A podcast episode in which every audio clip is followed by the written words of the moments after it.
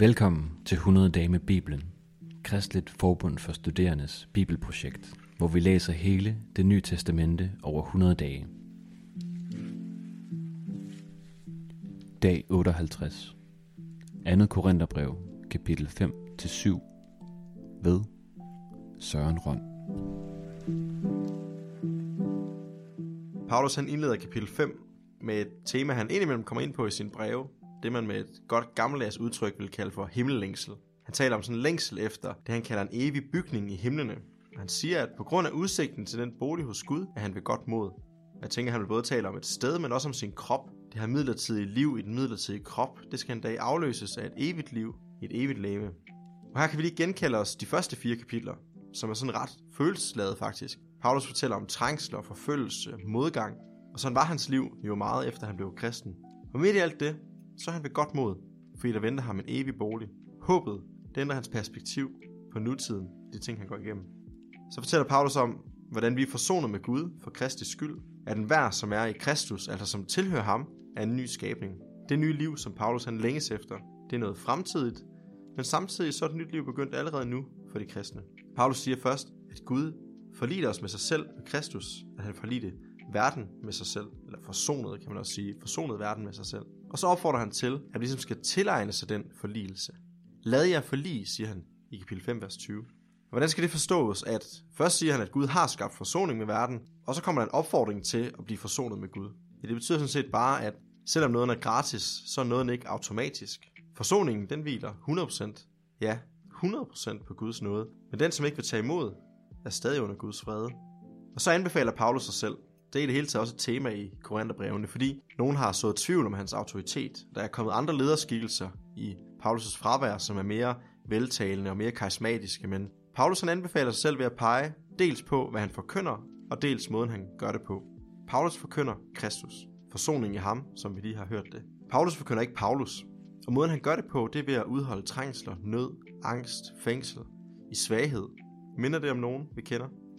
Paulus vej det er korsets vej. Han er svag, magtesløs, ligesom Jesus han blev svag og magtesløs for os. Det er korsets vej. Og så kommer der sådan en sjovt intermezzo. Træk ikke på samme hammel som de vantro, siger Paulus.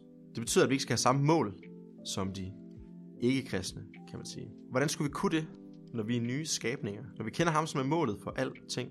En hammel er sådan en, så vidt jeg forstår, sådan en tværstang, som forbinder heste med en vogn. Så hvis man ligesom trækker det samme hammel, så arbejder man side om side med nogen på samme mission, med samme formål. Du trækker den samme vogn. At tro på Jesus, det betyder både et ja og et nej. Vi forsager djævlen og alle hans gerninger og alt hans væsen. Sådan starter vi vores øh, trosbekendelse. Det betyder ikke, at vi ikke skal have noget med vantro at gøre, altså ikke kristne mennesker at gøre. Selvfølgelig skal vi det. Men det rimer på Jesu ord om, at vi skal være i verden, uden at være af verden. Jeg tænker, om vi nogle gange får det byttet rundt, så vi kommer til at være af verden, uden at være i verden. Vi gør det, som alle de andre gør, vi gør det bare sammen med de kristne. Men vi beder om ikke at trække på samme hammel. Vi har et andet mål. Det vil han gerne skærpe vores bevidsthed omkring. Vi skal leve et helligt liv, Guds frygt. Paulus taler om, at han jo tidligere har bedrøvet korinterne, men at det blev til omvendelse for dem. Og han siger flere gange, at han har talt og taler meget direkte til dem. Bedrøvelsen blev til omvendelse. Paulus han har kaldt dem ud, han har afsløret dem. Det er jo aldrig rart at blive afsløret. Jeg har selv en medvandrer, som er en ven, jeg på en særlig måde har givet en taleret ind i mit liv, og vi kender hinanden godt, og vi har stor omsorg for hinanden. Og sidste sommer så var vi på sådan en lille retræte sammen. Der sagde han nogle ting til mig, som jeg bare blev mega ked af, og sur over faktisk. Og min reaktion det var, at jeg tænkte, han er egentlig også en nar. Måske skal jeg bare finde en helt anden medvandrer. Og så sov jeg på det. Og det gjorde jeg lige et par nætter. Og så måtte jeg faktisk øh, takke ham. Fordi han havde faktisk sagt det, jeg havde brug for at høre. Han havde sagt sandheden. Det er ægte omsorg. Det er ægte venskab. Og man kan tydeligt mærke i Paulus' brev, hvordan han også skriver med ægte omsorg, når han er meget direkte i sine formaninger til korinterne. Så har jeg lyst til som det sidste at vende tilbage til begyndelsen af kapitel 5, den her himmellængsel.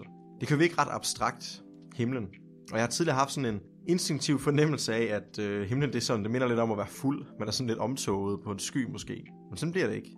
Jeg har også tidligere været ret forlegen faktisk ved at tale om efterlivet, den nye jord. Fordi at jeg ville ikke have skudt i skoene, at jeg bare var kristen, fordi jeg var bange for at dø. Men nu beder jeg ofte bønnen, kom snart igen, Herre Jesus. Hvilket øvrigt er den sidste bøn i vores bibel. Jeg deler Paulus længsel, ikke efter en omtogethed på en sky, og ikke fordi jeg ellers er bange for at dø, men jeg har den her længsel i mig. For mig, der har C.S. Lewis, han har ændret mine tanker om efterlivet.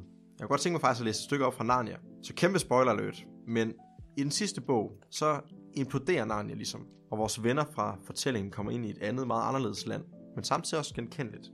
Lewis han skriver, Peter sagde Lucy, hvor er vi egentlig? Jeg ved det ikke, sagde den øverste konge. Det minder mig om et eller andet, men jeg kan ikke hække noget navn på det. Kunne det være et sted, hvor vi har holdt ferie, da vi var meget, meget små? Det ville have været alle tiders ferie, sagde Justus. Jeg tør ved på, at der ikke findes noget land som dette noget sted i vores verden. Se på farverne. Den blå farve, som de bjerge der har, vil man ikke kunne se på nogen bjerge i vores verden. Så taler de om, at de synes omgivelserne, det ligner det der Narnia, de kendte. Og så skriver Louis. Og alligevel ligner de dem ikke, sagde Lucy. De er anderledes, de har flere farver og ligger længere væk, end jeg kan huske. Og de er mere, mere... Åh, oh, jeg ved ikke. Mere ægte, sagde Diggory stille. Det Narnia, de kendte, var kun en skygge. Det var en kopi af det virkelige Narnia. På samme måde tænker jeg, at det er ikke evigheden, der bliver tåget. Tværtimod vil vi der være mere bevidste, mere til stede. Virkeligheden være mere konkret, mere ægte. Og så konkluderer enhjørningen. Om sider er jeg kommet hjem. Det der er mit rigtige land. Jeg hører til her. Det der er det land, jeg har let efter hele mit liv, selvom jeg først er blevet klar over det nu. Sådan vælger jeg at tro, den nye jord ser ud. Og den fornemmelse tror jeg også, vi får, når Jesus gør alting nyt. God dag.